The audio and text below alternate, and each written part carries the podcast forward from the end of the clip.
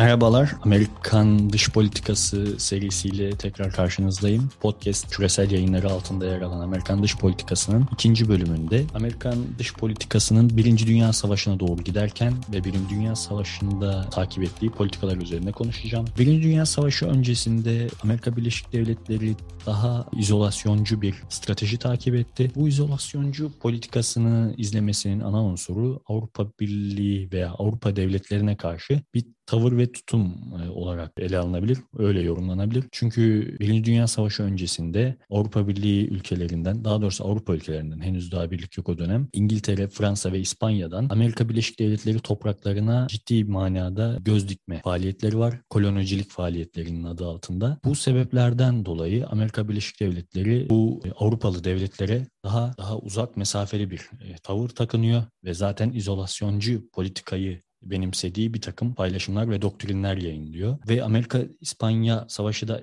esasen bu olayla alakalı. İspanyolların Amerika Birleşik Devletleri topraklarında izlemek istedikleri kolonicilik faaliyetlerine karşı Amerikalılar kendilerini ve kendi topraklarını savunmaya geçmişler ve Amerikan-İspanya Savaşı meydana gelmiştir. Burada izolasyoncu politikanın temelini oluşturan ve Amerika Birleşik Devletleri'nin dış politika yapma anlayışında çok önemli bir unsur olarak yer eden Monroe doktrini çok önemli önemlidir. Monroe doktrini pratiğe döküldükten sonra zaman zaman günümüze doğru Amerika Birleşik Devletleri'nin tarihi içerisinde bu doktrinde yer alan bazı unsurları ve kavramları belli dönemlerde, belli periyotlarda uygulamaya koyduğu, koyduğu görülmektedir. 2 Aralık 1823'te yayınlanan, Başkan James Monroe tarafından yayınlanan Monroe doktrininin ana amacı Amerika Birleşik Devletleri topraklarının anti kolonyal daha doğrusu koloni faaliyetlerine kapalı olduğu ve bu gibi faaliyetlerin bu topraklar üzerinde yürütülemeyeceğini vurgulamaktadır. Ana gayesi de budur. Avrupa bir Avrupa ülkelerinin Amerika Birleşik Devletleri toprakları üzerindeki tüm müdahalelerinden kurtulmak amacıyla ortaya çıkartılmış bir doktrindir ve Amerika Birleşik Devletleri bu doktrinle beraber gerek Avrupa ile ilişkilerinde gerekse kendi kıtasında daha kendi kabuğuna çekilmiş ve o dönem için izolasyonculuk dediğimiz bir kavram üretilerek daha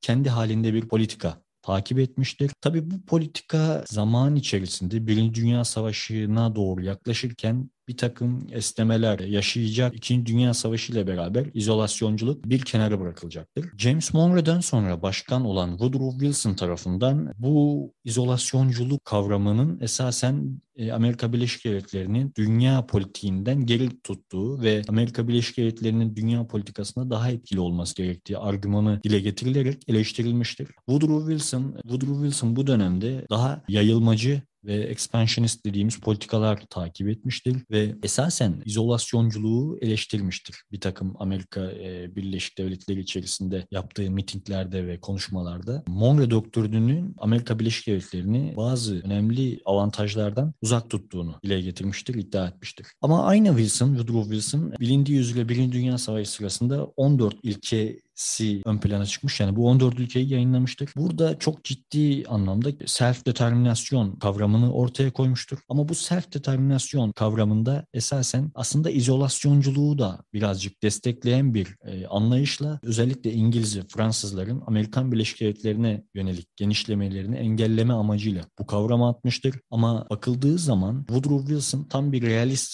olarak hareket etmiştir. Yani bu dönemde zaman zaman izolasyonculuğu kullanabilip kullanabilip kullanarak veya ona başvurarak zaman zamansa daha müdahaleci ve aktif politikada olunması gerektiğini savunarak tam bir çıkarlara uygun politika izlemiştir ve esasen o dönem için e, realizm politikasını pratiğe döken bir başkan olarak anılmaktadır. Ama Woodrow Wilson'ın argümanları her ne kadar daha müdahaleci olmayı iddia etse veya istese de zaman içerisinde Woodrow Wilson ve onun fikirleri çok fazla karşılık bulmamış ve Monroe doktriniyle beraber gelen izolasyoncu anlayış e, Amerika Birleşik Devletleri'ne hakim olmuş. Woodrow Wilson bu dönemde daha intervensyonist ve internationalist dediğimiz hem müdahaleci hem de uluslararasıcı, evrenselci bir anlayış takip etmiştir. Bu konuda gerek kongreyi yani senato ve temsilciler meclisini gerekse halkı ve kamuoyunu bu yönde e, bir tutum benimsenmesi için e, ikna etmeye çalışmıştır. Ancak bu dönemde Wilson'ın bu iddiaları ve bu argümanları çok fazla kabul görmemiştir. Woodrow Wilson esasen bu internationalist akımla yani internationalist anlayışla e, o dönemde kurulmuş kurulmuş olan League of Nations yani Milletler Cemiyeti'nde Amerika Birleşik Devletleri'nin daha lider pozisyonda bir ülke olmasını amaçlamış ve bu anlayışı benimsersek dünya çapında çok ciddi bir kazanım elde ederiz iddiasında argümanında bulunmuştur. O dönemde ortaya çıkan e, politikalara şöyle bir bakacak olursak kavramsal açıdan expansionizm yani genişlemecilik politikası çıkmıştır. Bu esasen bağımsızlık savaşı, Amerikan bağımsızlık savaşından sonra da ortaya çıkan bir durumdur ve Teksas'ın ihla, e, ilhak edilmesi, Meksika'nın bazı topraklarının alınması gibi noktalarda etkili olmuştur. Internationalism dediğimiz bir diğer kavram ise Wilson tarafından ilk, ilk ortaya atılmış ve Amerika Birleşik Devletleri'nin dünya çapında liderliğini amaçlayan bir proje, bir strateji olarak ön plana çıkmıştır. Internationalismle beraber gelen interventionism yani müdahalecilik kavramı ise gerek Woodrow Wilson tarafından gerekse Woodrow Wilson sonrası dönemde takip edilmiş en önemli politikalardan, stratejilerden birisi olmuştur. Özellikle 2. Dünya Savaşı'na giden düzlemde ve 2. Dünya Savaşı sonrası dünyada Amerika Birleşik Devletleri daha çok müdahaleci yani interventionist bir tutum ve strateji benimsemiş ve dünya çapında da bu yönde hareket etmiştir. Birinci Dünya Savaşı'nın döneminde ise Amerika Birleşik Devletleri genellikle kendisini savaştan uzak tutmuş ancak savaşın kendisiyle alakalı bir zarar ve yıkım getirmesi durumunda dahil olabileceğini belirtmiştir. Bu dönemde savaştan ciddi manada etkilenen Avrupa ülkeleri, Avrupa ülkelerinin kendi işleriyle uğraşması